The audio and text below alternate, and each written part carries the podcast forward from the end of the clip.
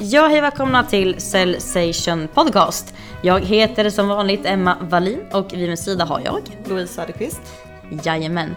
Och eh, idag kommer med oss eh, en gäst vid namn Mattias Härenstam, eh, numera VD på företaget Jobzone. Och eh, Louise, berätta, vad har vi diskuterat och pratat med Mattias om? Ja, vi pratar om eh, Mattias långa och framgångsrika karriär. Han har till och med blivit utsedd till eh, tredje bästa säljaren i världen. Så det går vi såklart in på. Vi pratar också om vad som har varit avgörande för Mattias i val av hans eh, arbetsgivare där han har varit, roller han har haft. Ehm, vi pratar också och diskuterar mycket kring eh, incitamentsmodeller inom säljyrken och vikten av att eh, reflektera över sitt jobb, sina prestationer och vad man faktiskt ägnar sig åt i livet. Ehm, går också in på vad som utverkar en bra säljare och även en bra ledare. Ehm, det och med mera kan man väl sammanfatta det som. Ett mycket bra avsnitt som eh, jag fick själv många bra insikter och reflekterade mycket nu i efterhand. Verkligen. Så vad säger vi? Vi kör igång. Vi rullar. Dagens avsnitt kommer här.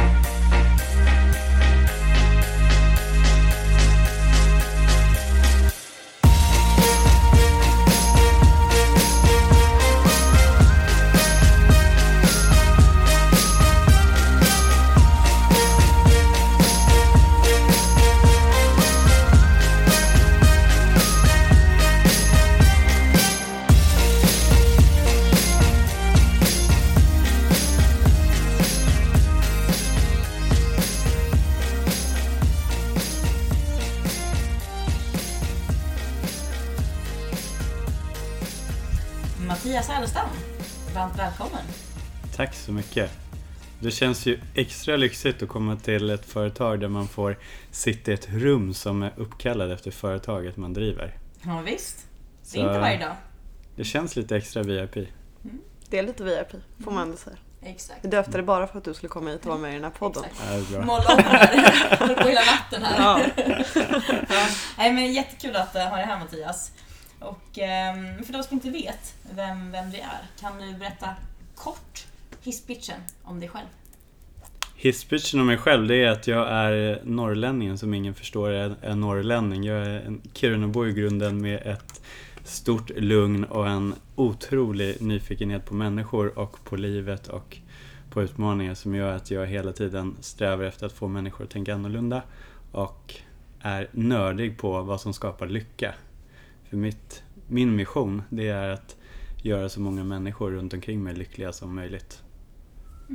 Det är hisspitchen om mig. Det var en fin hisspitch tycker jag. Ja, verkligen.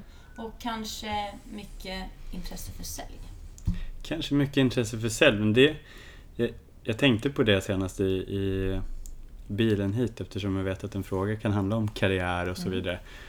Och fortfarande idag så förstår jag inte att jag har hamnat inom sälj. Eh, Och ändå förstår jag det. Mm. För att det är någonstans här, det är drivkraften att bara hjälpa människor och liksom hitta lösningar som kan hjälpa människor framåt och nå sina mål. Det är egentligen den drivkraften som har drivit mig inom sälj. Och det började från början med träning. Jag älskar träning. Och just det här med att människor är så frustrerade att de inte kommer igång med sin träning, de mår inte bra, de orkar inte. Gjorde ju att, att sälja träningskort var det lättaste jag visste. För det var ju bara så här, om du har funderat på att börja träna i tre år, eller misslyckas i fem år på att komma igång. Varför ska vi inte se till att du börjar nu? Mm. Och det är den inställningen som jag tror jag har haft oavsett vad jag har sålt för någonting, som har gjort en väldigt duktig på försäljning. Så det har varit träning, det har varit viktminskning och sen rörde jag mig till lite andra branscher med försäkringar och sen har jag jobbat mycket med utbildningar och sen eh, kom jag in i rekrytering och bemanningsbranschen, där jag är just nu. Just det.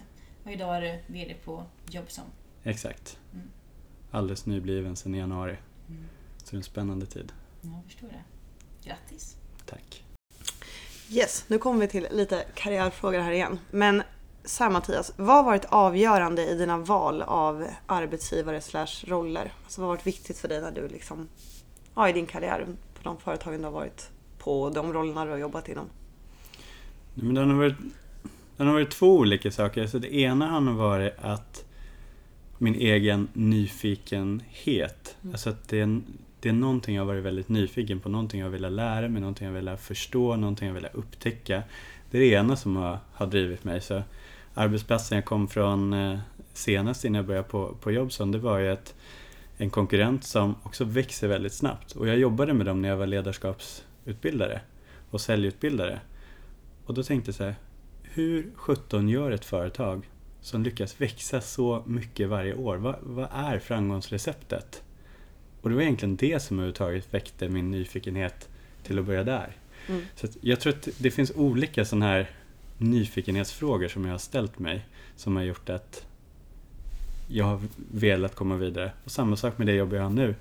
Att få testa mitt eget ledarskap, min egen tro fullt ut på ett företag. Vilken effekt skulle det kunna ge? Eh, och det är det som, som driver mig nu, den experiment, experimentell, experimentella saken. Mm. Eh, men den andra saken är, är värderingar. Mm. Alltså det handlar extremt mycket om vilka människor jag har mött. Eh, om jag har känt att det här är en person som jag vill jobba för eller jobba tillsammans med. Eh, det har varit helt avgörande. Och det har ju visat sig både i hur man har presenterat saker men också så enkla frågor man har stolt fått. Eh, kom ihåg när jag fick, skulle få ett anställningserbjudande en gång så tänker man att då får man liksom löneerbjudande och så får man de förmåner alla andra har på företaget och så. Men då fick jag istället frågan så här, men Mattias, om vi ska få dig hit, vad är viktigast för dig? Vad är du värderar absolut högst? Och så skräddarsydde man anställningserbjudande utifrån mina svar. Och det tycker jag visade på verkligen så här genuin vilja att göra det bästa för mig. Och då kändes det som ett bra företag att börja på. Mm.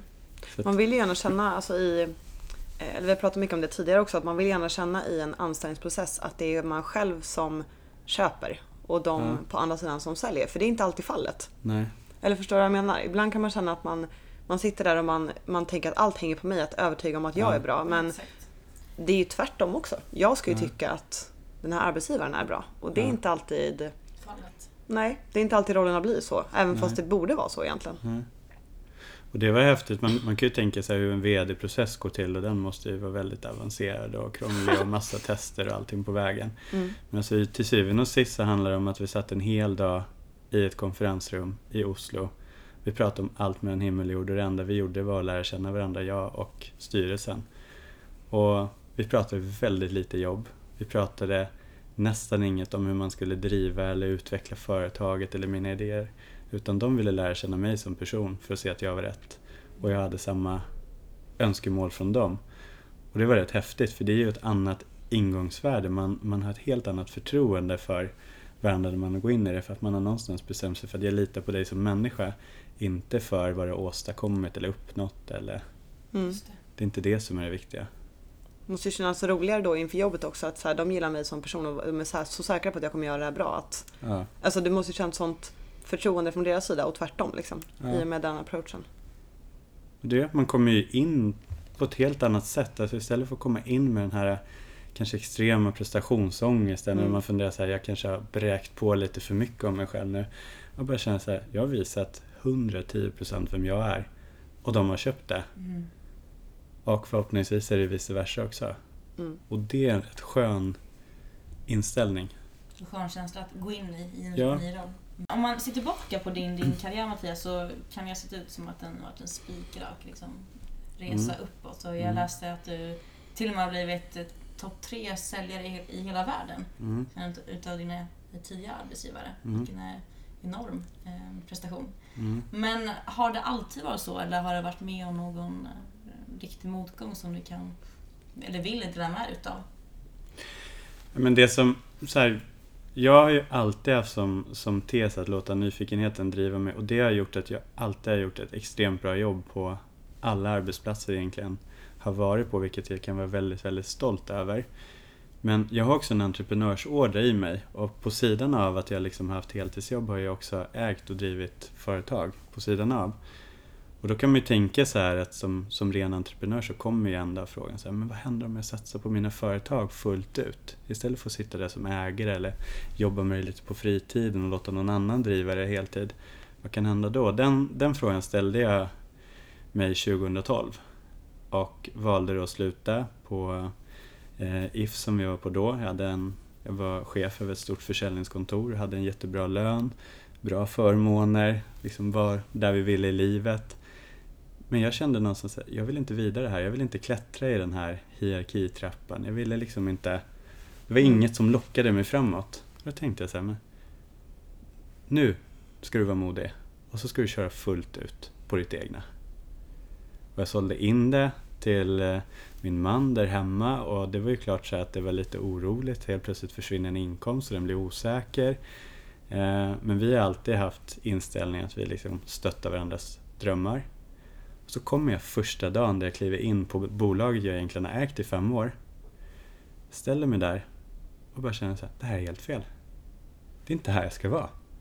Och det var en sån känsla som bara kom över mig att vad fasen har jag gjort?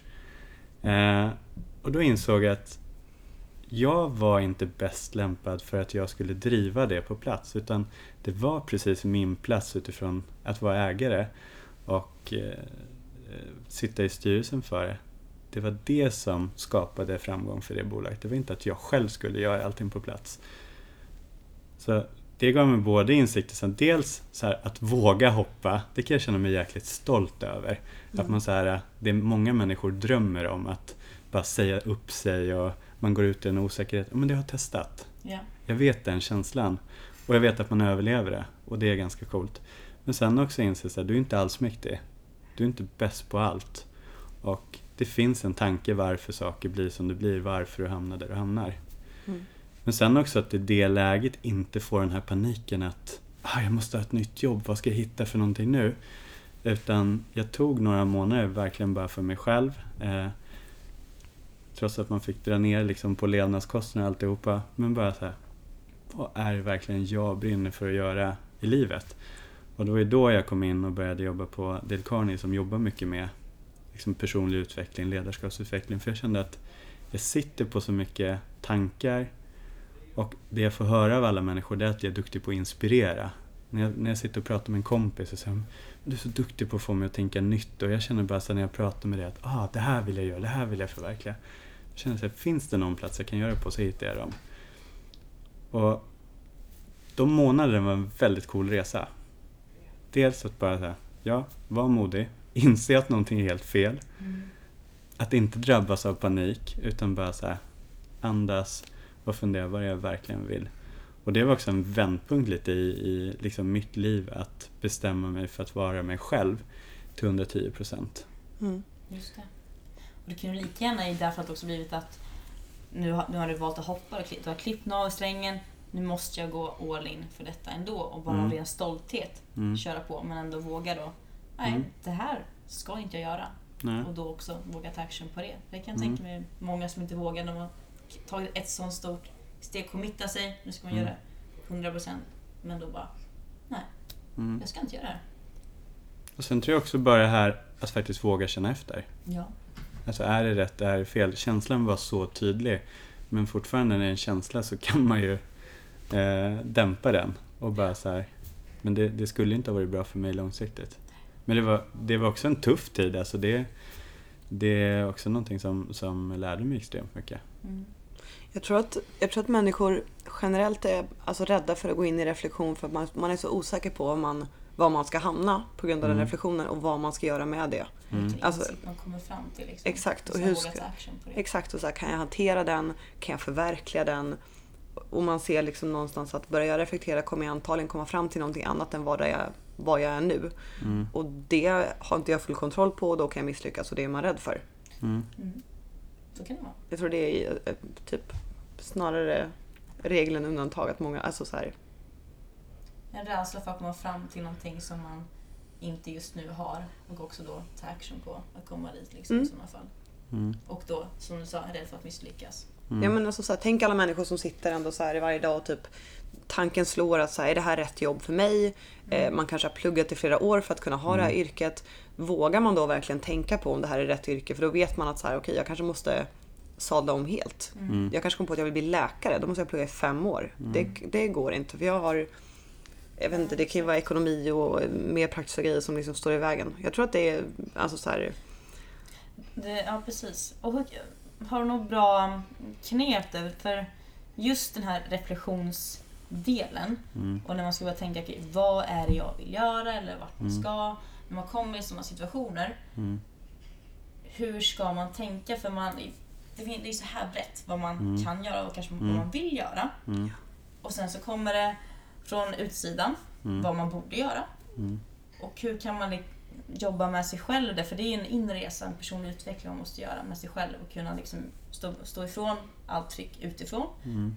Och bara lyssna på sin inre liksom, känsla, Mm. röst. Vad, har du några tips kring hur man kan jobba med sig själv? Det är väl det det handlar om, själv, Mm. arbeta med sig själv egentligen. Men jag tror det absolut första är ju att våga känna efter. Och nu har jag börjat mer och mer fråga mina vänner och min omgivning och mina kollegor så här, hur lycklig är du? Skala 1 till 10. Och bara så att tvingas sätta en siffra och reflektera. Bara det gör att du inser, ska jag göra en förändring i mitt liv eller ska jag inte göra en- förändring i mitt liv? Mm. Är det en 10 då kanske det är bara hjärnspöken som, som gör att du faktiskt du är jäkligt lycklig. Du har det väldigt bra där du är. Och det kanske inte är nu du ska agera. Mm. Men börjar det krypa neråt, det börjar bli en sjua, Mm. en sexa. Ja, då behöver du fundera vad i mitt liv är jag behöver förändra. Och jobbet är ju en väldigt stor del av vårt liv. Så det kan ju vara en del Ja. som vi behöver förändra. Och kommer vi fram till att ja, det är det jag behöver göra. Då tror jag verkligen att våga ta sig tiden. Dels att fundera så här, vad är jag absolut bäst på? Mm. Alltså om någon annan skulle beskriva mig, vad skulle de säga att jag är bäst på? Och sen fundera så här, vad, vad är det jag verkligen älskar? Alltså vad är det jag blir passionerad över? Där jag kan gå igång, där jag kan jobba hur mycket som helst. Och samtidigt också ställa sig frågan så här, vad är det värsta jag vet? Mm. Mm. För jag tror någonstans att om man använder sin främsta egenskap, att jobba med någonting som man verkligen brinner för, då kan man också utrota det här som man verkligen eh, hatar eller avskyr eller stör sig på. Och det tror jag är en sån här väg framåt. Men jag tror det är få som vågar göra den reflektionen. Och ibland söka input från sin omgivning. Att omgivning, alltså bara fråga sig, men du Louise, vad tycker du jag är absolut bäst på? Emma, du skulle säga en egenskap hos mig som du uppskattar, vad skulle det vara? Att våga ställa den frågan till sin omgivning också. Mm. Då har man, Mm. då har man många svar. Mm. Jag tror det är vettigt också, kan, alltså, precis som du säger, att börja i ändan att vad, vad, vad jag inte vill göra? För det kan nog folk enklare pointa ut. Att man kan börja Ja. den, okej, vad skulle jag vara direkt olycklig av att gå upp till klockan åtta varje dag och sitta med i åtta timmar Mm. plus. Liksom. Mm. Och börja där och liksom så här, för då... Ner, ja liksom. exakt, jag tror att det är enklare att pointa upp det Mm. på, på rak arm. Liksom. Mm. Så det kan också vara det är ett bra tips faktiskt, att börja också i den ändan. Men ett tydligt exempel från just när jag jobbade med, med utbildningar, för det är oftast lite glamorifierat arbete, så här att man står där och man är experten i rummet och man är den här liksom säljproffset och alltihopa. Och det var ju den bilden någonstans här jag såg framför mig först, att jag ville inspirera andra människor. Då såg jag mig som den här personen som stod längst fram. Vilket gör att du också sätter ganska höga krav på dig själv. Du ska vara så jäkla bra, så jäkla förberedd, så jäkla duktig. Eh, och då hade en superduktig instruktör eh, som tränade mig då, i, i min roll som instruktör. Eh, och han sa det, Mattias, koppla bort dig själv. Det enda det handlar om, det är de andra personerna i rummet. Ingenting handlar om din prestation överhuvudtaget, utan ditt enda mål, det är att få dem att lysa så jäkla mycket de kan lysa. Så det var min första insikt som fick mig att bara plocka bort alla krav på att vara den här superduktiga, superförberedda, superenergiska personen. Eh, och sen på slutet insåg jag så här, men jag går ju egentligen inte igång på bara att inspirera de här 25 människorna i rummet. Utan jag gick ju igång på att sitta och prata med den här VDn om hur vi kan utbilda 500 personer och förändra ett helt företag. Och jag kände aldrig att jag behövde vara den som skulle stå och utbilda alla andra utan jag kände att mina kollegor är så duktiga så jag vet att oavsett vilken av mina kollegor som man sätter framför dem så kommer de här få en livsförändrande resa. Och det var också en ganska cool grej för jag kände mig när jag höll i utbildningen så kände jag mig ofta väldigt trött, väldigt slut efter de dagarna och kände så här, är det här verkligen jag? Mm. Jo, men jag vill ju inspirera andra. Jag vill få andra att tänka annorlunda. Men Men då blir det så här, utifrån vilket perspektiv? Och för mig är det som mer en rådgivare eller en coach eller en säljare. Mm. Det var det som, som driver mig. Sen kan jag göra det andra mm. jättemycket. Jag har insett att föreläsa en eller två timmar, inga problem. Just det att hålla utbildning flera dagar, det dränerar mig. För det är inte det jag är bäst på. Mm. Jag är duktig, men det är inte det som verkligen driver igång mig. Det är bara att se förändringar hos människor. Just det. det där är på detaljnivå verkligen, att lyckas ja. identifiera mm. vad som dränerar, vad du får energi utav. Ja. ja. Mm. Och det, du får ju aldrig reda på den detaljnivån om du inte så börjar reflektera. Mm, Hur mår jag i olika situationer? Mm. Mår jag bra när jag haft det här kundmötet? Ja, då är det troligtvis ett tecken på att göra fler av de typerna av kundmöten. Precis. Men känner du så här, jag är helt slut. Mm. Orkar inte, jag har ingen lust. Då ska du nog göra mindre av det. Mm. Men jag tror de flesta människor stannar ju inte ens upp. Nej. Utan man kör på. Oftast om det börjar gå tuffare, då kör man bara på snabbare. Ja. Mm.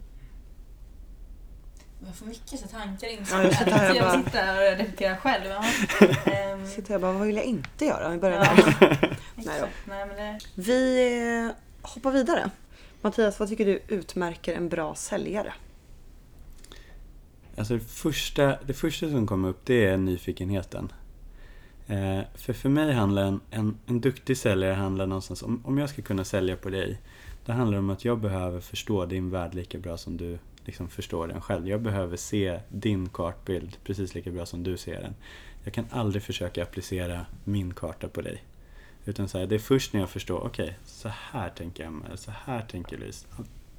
Då kan jag liksom börja hitta, vad är vägen då för att få dig att liksom nå dina mål? Så nyfikenhet, nummer ett. Och nummer två, det är att lyssna. Eh, och det är så här, på alla utbildningar, alla säljsammanhang så pratar man alltid om det här med att lyssna. Men jag kan säga idag när man sitter som VD, eh, jag får extremt mycket säljare som hör av sig. Jag skulle säga att det kanske är 5% som jag upplever lyssnar på mig. De andra, de pitchar och kränger och vill in. Mm. Men mm. ibland är det inte rätt timing.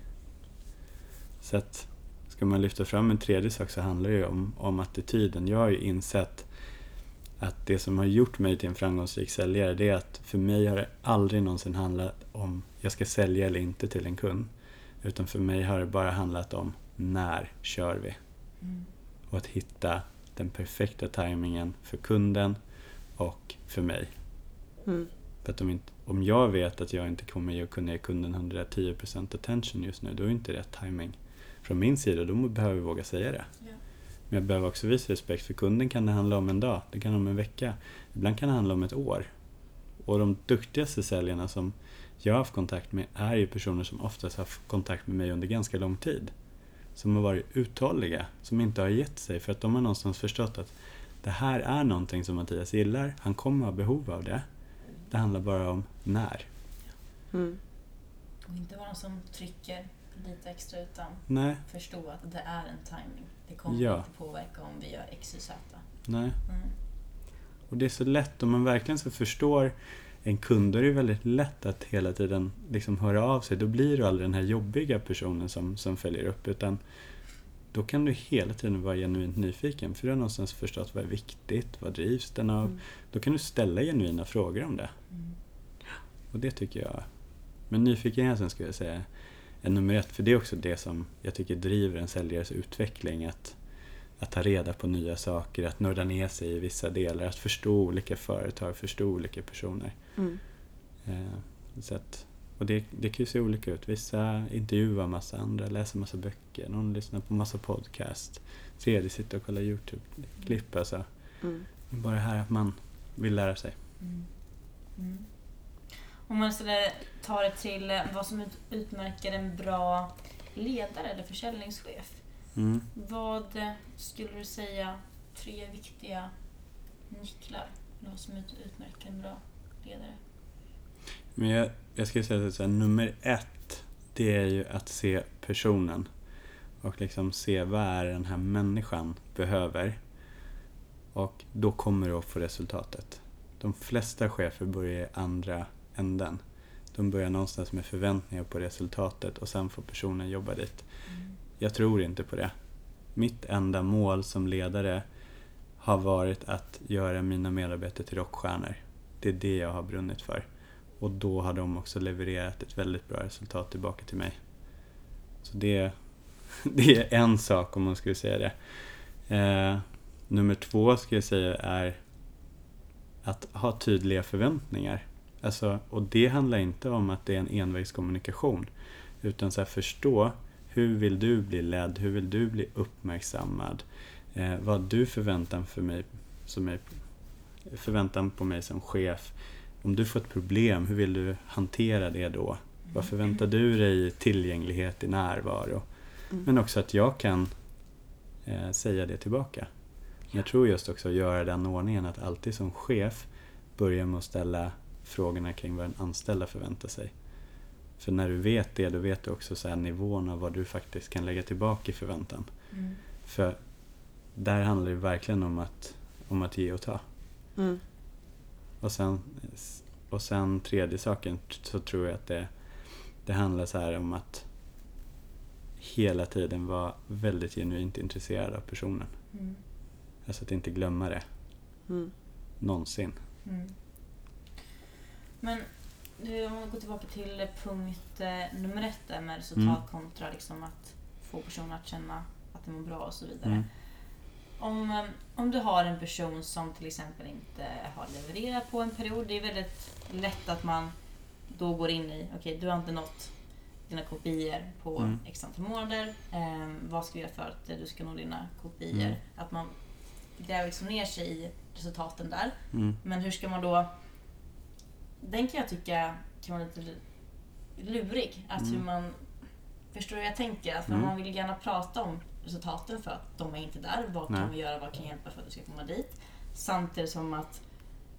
Ja, hur, vad, vad kan ni ge för bra tips där? Hur man kan börja med... För någonstans handlar det om att motivationen hos den personen kanske har gått ner. Och Mm. den ska liksom tas upp ur den gropen för att få Mm. confident och Mm. energi och börja leverera. Mm.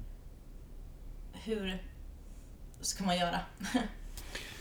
Alltså så om, det är resultaten som fallerar så kommer ju sällan resultaten komma genom att lägga en större press.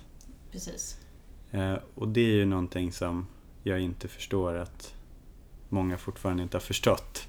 Att det är inte så det funkar. Och då är det lite antingen att man kan börja med, med frågan som vi pratade om tidigare. Bara så här, men Emma, hur lycklig är du just nu?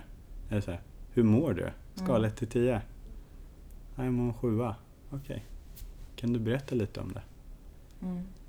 Och någonstans kanske jag får upp saker som kan ha påverkat din prestation nu. Och någonstans måste vi fixa de sakerna först Mm. och hantera det. Eh, och sen behöver vi väcka lusten hos dig själv att vilja skapa aktiviteter igen. Mm. För det är också det som jag upplever väldigt ofta att vi, liksom, vi förväntar oss resultatet men till syvende och sist det jag som chef verkligen förväntar mig det är ju att du anstränger dig och att du vill. Precis. Om du vill någonting, om du visar aktiviteter, du gör, börjar göra möten igen eller vad det än kan vara. Då är det mycket lättare för mig att hjälpa till att coacha dig. Mm. Och den lusten behö- kan man aldrig, enligt mig, väcka genom krav. Nej. Det kan ju snarare bli demotiverande i så fall. Speciellt om Ja. man redan är liksom nere i en, i en, eh, i en liten dal så att säga. Det känns så svår balansgång liksom mellan att man vill ju motivera men samtidigt så vill man ju ändå visa jag vet inte, tänka allvaret i att så här, du har faktiskt inte upp... Eller jag vet inte. Ja, det är så, ja, men det- balansen det mellan det. att... Ja, det är just det där. Det är just det där du menar? Ja, det, det är verkligen det. För det... Då menar både du och jag. Hur, hur gör man? Hur går man balansgången mellan att visa tydlighet och ändå liksom allvaret i att så här, du har inte nått dina mål på x antal månader och att hitta motivations... Det känns så... Ja, ja, exakt. Jag tycker att det är skitsvårt. Men Verkligen. det är för att du och jag så här, gör det här och sen så... För... Gör man allt för att man ska nå lite oavsett. Ja. Men, Men ett jättetydligt eh, exempel och det var en chef som kom till mig och berättade att jag haft så bra möte med den här gruppen och det var en grupp som inte hade presterat. Och han var så otroligt stolt och tyckte det hade gått så bra. Så frågade jag, vad är det som har gått så bra? Äh, jag var stenhård. Jag sa liksom, levererar ni inte nu så kommer någon ryka. ja, kanske inte. Ja. Ja. Mm. Och han, han, alltså det bara lyste. Han, han kände så här, yes. Vi, Han tyckte det var en point. det var en point. Det var, mm. Och det som hände var ju att det var en grupp som gick upp, ut och började göra saker. Mm. De började ringa mer, de började anstränga sig mer för möten och så vidare. Men med vilken glädje gjorde de det? Ja, precis. Mm. Så att resultaten kom ju inte för fem öre. Mm. Utan de här var ju utsatta för hot Ja, egentligen. Och det är just det, alltså i en sån situation, man behöver vara ärlig. Om det inte går som det ska behöver du vara ärlig med det. Men då behöver man ju våga gå, oavsett om det är en individ eller om det är en grupp, att bara våga gå in så här. Just nu presterar inte vi. Mm. Vi ligger långt efter budget. Vi fixar inte våra mål. Eh, vad beror det här på? Mm. Hur mår vi här inne? Mm. Vad behöver vi tillsammans göra? Och om det är en individ, att precis stä- ställa samma fråga så här. Dina resultat är inte där de ska vara. Och fortsätter det så här så kommer inte vi kunna fortsätta att jobba ihop. Mm. Så ärlig och rak kan du vara. Mm. Men anledningen till att jag sitter här med dig, det är för att jag vill ta reda på varför det ser ut så här. Och om det finns någonting vi kan göra. Vill du det här överhuvudtaget? Mm. Eh, Jag har haft väldigt många väldigt tuffa samtal under, under min karriär hittills och jag tror bara så här, bara av att du visar att du vill förstå människan skapar betydligt bättre förutsättningar. Mm. Jag kommer ihåg fortfarande samtal jag hade med en person som ingen tyckte den här personen presterade överhuvudtaget. Det, var, det blev bara irritation. Och så tog jag ett möte och så förklarade jag väldigt tydligt att det här kommer inte hålla. Och fortsätter det så här så kommer inte vi kunna fortsätta jobba tillsammans till där vi liksom står. Och då ställde jag just frågan så här, hur mår du? Och då brast det för personen. Mm. Och det var ju väldigt mycket saker som hade hänt privat Mm. som hade påverkat. Som gjorde att jag fick en helt annan förståelse för det. Och samtidigt så sitter jag kvar i dilemmat som chef att jag, jag vill visa respekt för allting som händer för dig privat nu och jag behöver visa någons, en förståelse för det. Samtidigt har jag krav på mig. Men det är någonstans, bara att man ställer den frågan gör att man kan börja hitta vägar tillsammans. Mm. Okej, hur, vad behöver du göra privat? Alltså att faktiskt våga vara den coaching, coachen också Mm. för att du ska må bättre. Vad kan vi göra på jobbet för att du ska börja må bättre? Mm. Vad kan du göra för att börja driva dina resultat i rätt riktning? Det tog en vecka och sen var det en annan kollega som kom och, och sa så här, vad har hänt med den här personen? En helt annan människa. Den är glad, den driver, den eh, skapar resultat, den är snabb i återkoppling. Alltså det är en total förändring. Och den personen visste ju inte om att jag hade haft det här samtalet. Mm. Och det var så otroligt kul att få se den, den förändringen. Och det var en fredag eftermiddag, då ringde jag till den här personen så sa jag bara så här. Jag vill bara tacka för att du anförtrodde dig till, till mig i vårt samtal. Och det du sa att du skulle göra, det verkar du ha gjort. För att jag har redan fått höra från dina kollegor Ja. över vilken förändring som har skett. Mm. Och det är rätt coolt. Men man behöver vara ganska tuff när man vågar liksom Mm. jag tror så här, man kan säga väldigt tuffa saker om man gör det med ett väldigt varmt hjärta och liksom glada ögon som, där man märker så här, jag har en positiv intention med att jag pratar med dig nu. Mm. Ja. Jag vill hjälpa dig. Men jag måste också förklara konsekvensen. Mm. Ja, jag tror också så här, många, många chefer upplever lite så här rädda att gå in på det liksom Privata. privata, personliga. Och det behöver man visa respekt för. Mm. Det är inte så att jag går hela vägen om jag känner att de inte vill öppna sig. Men, Mm. men jag kan i alla fall ställa frågan hur man mår. Mm. Mm. Det är... Och sen att aldrig ta över en anställds problem. Alltså det, det Nej, är inte precis. din uppgift som chef. Nej. Det är verkligen inte din uppgift. Förstå och visa sig att man förstår. Förstå, visa och, Mm. och också få dem att kanske få en kraft att göra, alltså ta tag i det. Mm. Just det. Det kan man göra.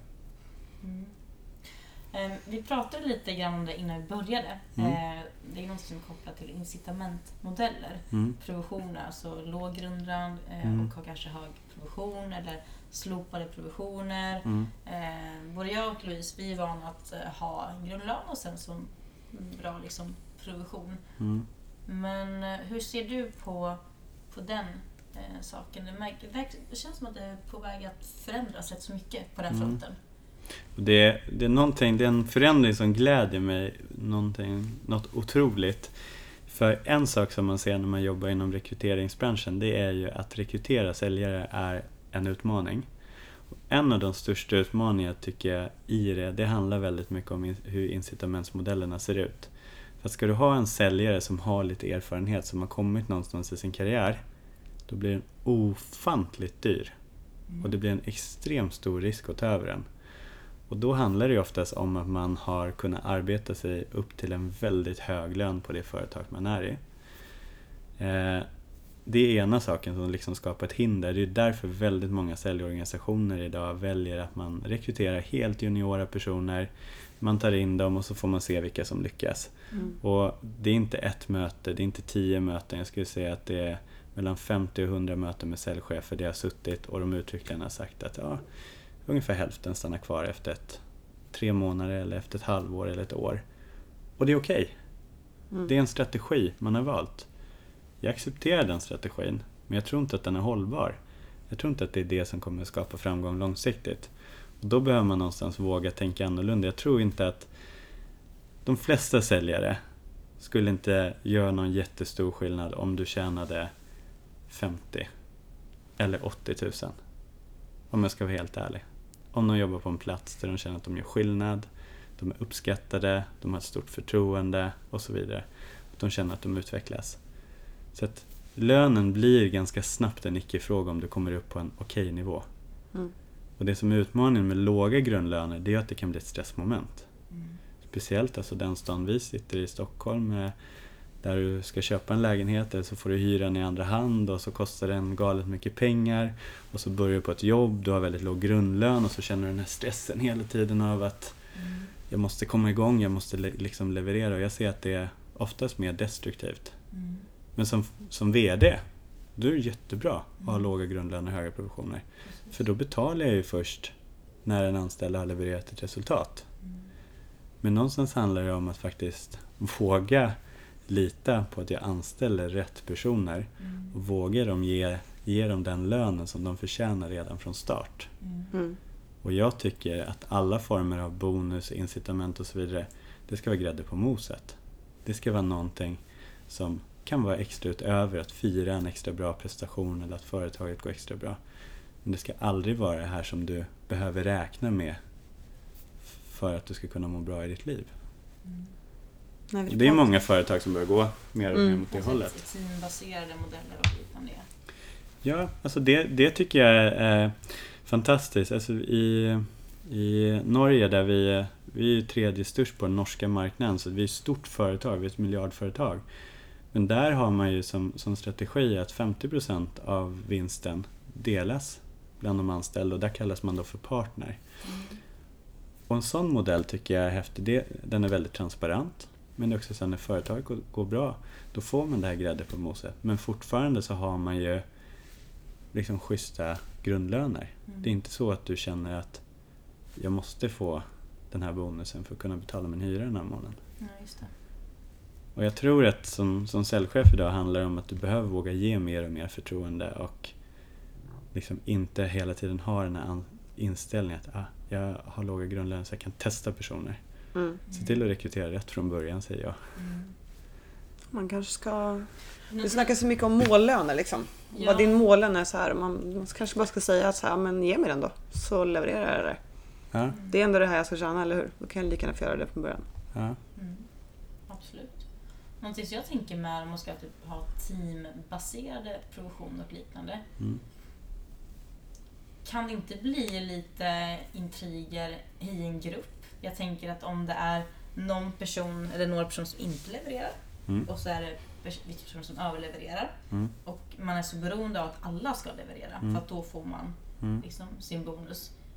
Kan det inte bli då att de personer som kanske inte levererar, det kanske skapar någon typ av mer Fan, jag bidrar inte nu och Mm. nu får inte de här personerna sin, Mm. sin bonus. Förstår du hur jag, hur jag menar? Det förutsätter, det förutsätter ju en sak från början. Det är ju att grundlönen speglar din prestation. Ja. Så att om det är väldigt stor skillnad i prestationer i teamet, Mm. då ska det också vara en skillnad i lönen. Mm. Så att om alla har samma lön och sen ska dela på samma liksom bonus eller provision, eh, då kommer det bli precis den grejen. Mm. Men om du känner så att okej, jag levererar mer, men jag får också en lön som är högre än vad den som levererar mindre än mig har. Då kommer det finnas större glädje av att dela på det här grädde på moset. Det är ena saken. Och det behöver man ju också vara tydlig i förväntningarna i, om man tar en grupp som exempel. Eh, det värsta som finns är ju att man känner att det är en orättvisa. Okej, jag drar in 20 miljoner, den här drar in 3 miljoner. Men vi ska dela lika på kakan. Då blir det att man börjar kolla snett på varandra. Mm. Så någonstans måste det finnas tydliga förväntningar. För att du ska ta del av den här. Vad är det jag förväntar mig för liksom prestation av dig? Och faktiskt våga säga det i gruppen. Mm. Så tar man en säljgrupp till exempel om man lägger en budget. Ja men då kanske man ska committa sig kring den budgeten inför varandra. Att jag får ifrågasätta din budget. Men du, Mm. förra året då presterade du på den här nivån och nu har jag lagt den här budgeten. Hur tänker du? Eh, så att någonstans alla skriver under på att okej, det vi ska göra nu det, det känns rättvist. Mm. Mm. Så att man behöver ju ha tydliga förväntningar i gruppen. Mm. Och sen behöver du använda grundlönen som ett styrinstrument för att det inte ska bli den Den interna, eh, Den interna konflikten, delen. Mm. Just det, Mm. Det tror jag. intressant. Men det handlar ju om mod, att våga förändra. Det är ju det. Och jag, Eh. jag kan tänka mig att det kan vara svårt att göra det om man har en befintlig säljstyrka och direkt göra om just grund, grundlöner och sen slopa produktion och sådana saker. För många är motiverade utav det. Lite Ja. egoistiska kanske. Ja, Och det kan vara svårt att göra den här förändringen. ja. Då kanske man, men då får man kanske, folk får gå då. I så fall. Då är det kanske man inte rätt för hur man vill driva företaget Nej. långsiktigt framåt. Och det är faktiskt ett jättebra exempel från en av mina tidigare arbetsplatser så, eh, så var ju jag stjärnan. Jag stod för väldigt stor del av omsättningen. Och eh, där kollade vi lite på modeller att skulle man kunna jobba mer med liksom någon form av gruppincitament istället för att använda provisioner och så. Jag var ju största bromsklossen. För jag Mm. presterade ju så mycket mer än alla andra. Mm. Och den som drev företaget kände sig att det är ganska hög risk att ge Mattias den fasta lönen han har. Ja. Liksom om man kollar, kollar provisionen. Vilket gör att jag som säljare blir ju väldigt egoistisk i det fallet. Mm. att Vadå, ska jag få en lönesänkning här? Hur tänker man då? Det Precis. som hände var att så här, jag slutade, stod för stor del av omsättningen. Vad hände med företaget? Gick sämre en, två månader. Mm. Sen helt plötsligt så var det ju flera andra som liksom tog ett kliv upp. Mm. Så att till syvende och sist så blir ju företaget ännu bättre utan mig på plats. Mm. Och det är farligt att ha massa Zlatans Ja. på, på planen. Och det behöver man också våga som företagare faktiskt ibland. Ibland behövs inte alla personer i alla faser oavsett hur duktiga de är. Mm. Och ibland kan det vara bra om man vågar klyva en topp och ta en sån risk att okej, min bästa säljare kanske slutar. Så kan jag lova dig att basen där under kommer växa sig bredare och starkare. Just det, för att fler, kliver fram och, eh, och tar plats från, från start och alla är med vidare. Ja. Så är man inte lika beroende av den här personen, enda Nej. personen som... Mm. Och någonstans så blir det en ny konkurrens. Alltså det, ja, det som är positivt är ju att någon vill ju försöka ta den platsen. Ja. Och det är oftast fler än en. Mm. Och då blir det så här, det blir en, en, en bra konkurrens och en bra utveckling för företaget också. Mm. Så att liksom gör man en sån, för det är ju oftast det, om man gör en omställning från höga provisioner, låga grundlöner till att man vågar gå med på en grundlön och en bonus så är det ju självklart att det kommer bli tuffast Ja. med toppresterarna. Men då behöver man också ställa sig frågan, är de där av rätt anledning? Mm. Jag har sett så många exempel på säljare som har totalt arbetat sig fast i ett företag. Det har gått för bra på dem för det, på det företaget så de, de har liksom inte råd att byta arbetsplats. Mm. Och det kommer inte vara bra för företaget i slutändan. Mm. Nej. För de vet att byter jag nu då behöver jag gå ner i lön. Ja, just det. Och då finns det en stolthet i att upprätthålla det. Så Mm. att jag hoppas hela marknaden kommer förändras till Vi kommer få mycket sundare konkurrens men framförallt kommer vi kunna jobba med säljutveckling på ett helt annat sätt. Mm. Och få säljare att byta, byta bolag på rätt sätt. För nu är det som säljare, om du ska byta då är det nästan så här, ja då behöver jag bli chef eller Mm. så för att det ska vara okej okay att byta, för att jag ska få en okej okay lön. Mm. Yes, vi börjar närma oss eh, slutet Mattias, men vi vill eh, fråga dig vem mm. du tycker att vi ska bjuda in till den här podden och mm. varför. Jag har två namn som kom, kommer upp i, i huvudet väldigt snabbt. Dels så har jag en person som jag jobbade med när jag jobbade på, eh, på If som heter Christian Vretander. Han var förbundskapten i volleyboll och så kom han in i liksom, företagsvärlden, businessvärlden. Men jag lärde mig otroligt mycket av, för han hade tänkt med det här med trygghet, realistiskt och barriärbrytande mål som har totalt förändrat min karriär och min, mitt sälj. Men det som är så intressant är bara att få höra personers historia, för om det är något ledarskap man brukar hissa så är det ju framgångsrika idrottsledare. Men det finns också väldigt stora utmaningar att ta det idrottsledarskapet in i, en, i ett företag. Mm. Och det tror jag man ska, skulle vara väldigt intressant att lyssna till. Och sen har jag en kollega som heter, heter Firas eh, Dakhak. Och han var säljdirektör i Irak för Dell. Mm. Eh, och sen så blev det ju konflikter mellan USA och Irak och då var inte ett amerikanskt så företag så himla välkommet i mm. Irak vilket gjorde att han eh, tvingades fly och hamnade i Västerås eh, där han inte kunde svenska, ingenting och så skulle han liksom från den här fina karriären börja skaffa sig ett jobb och han bestämde sig för att ja, men jag kollade utbildningar, vad kan jag bli för någonting? Eh, då bestämde han sig för att lastbilschaufför fanns det en utbildning till. Så han gick till Arbetsförmedlingen och de skrattade nästan lite till honom. De bara, men du kan ju inte svenska, hur ska du klara det här? Han bara, men då vill jag lära mig svenska. Och så körde han järnet och så blev han lastbilschaufför. Och sen blev han arbetsledare. Och sen idag så är han affärsområdeschef på Jobson för just transportsegmentet. Mm. Och när jag satt och pratade med honom om, om det så då kände jag verkligen så här, snacka om att möta en motgång i livet. Men att bara så här, ta sig i kragen, mm. ingen prestige, göra allt som krävs för att liksom ta sig tillbaka till någonting som man trivs väldigt bra med. Mm. Wow. Så det är två heta namn. Det är två heta namn. Ja. Vi noterar dem. Ja. Verkligen, de är noterade. Um, Mattias, stort, stort tack. Jag har fått med mig så mycket tankar och reflektion, reflektion och insikter från uh, vår, vår pratstund helt enkelt. Riktigt inspirerande måste jag säga.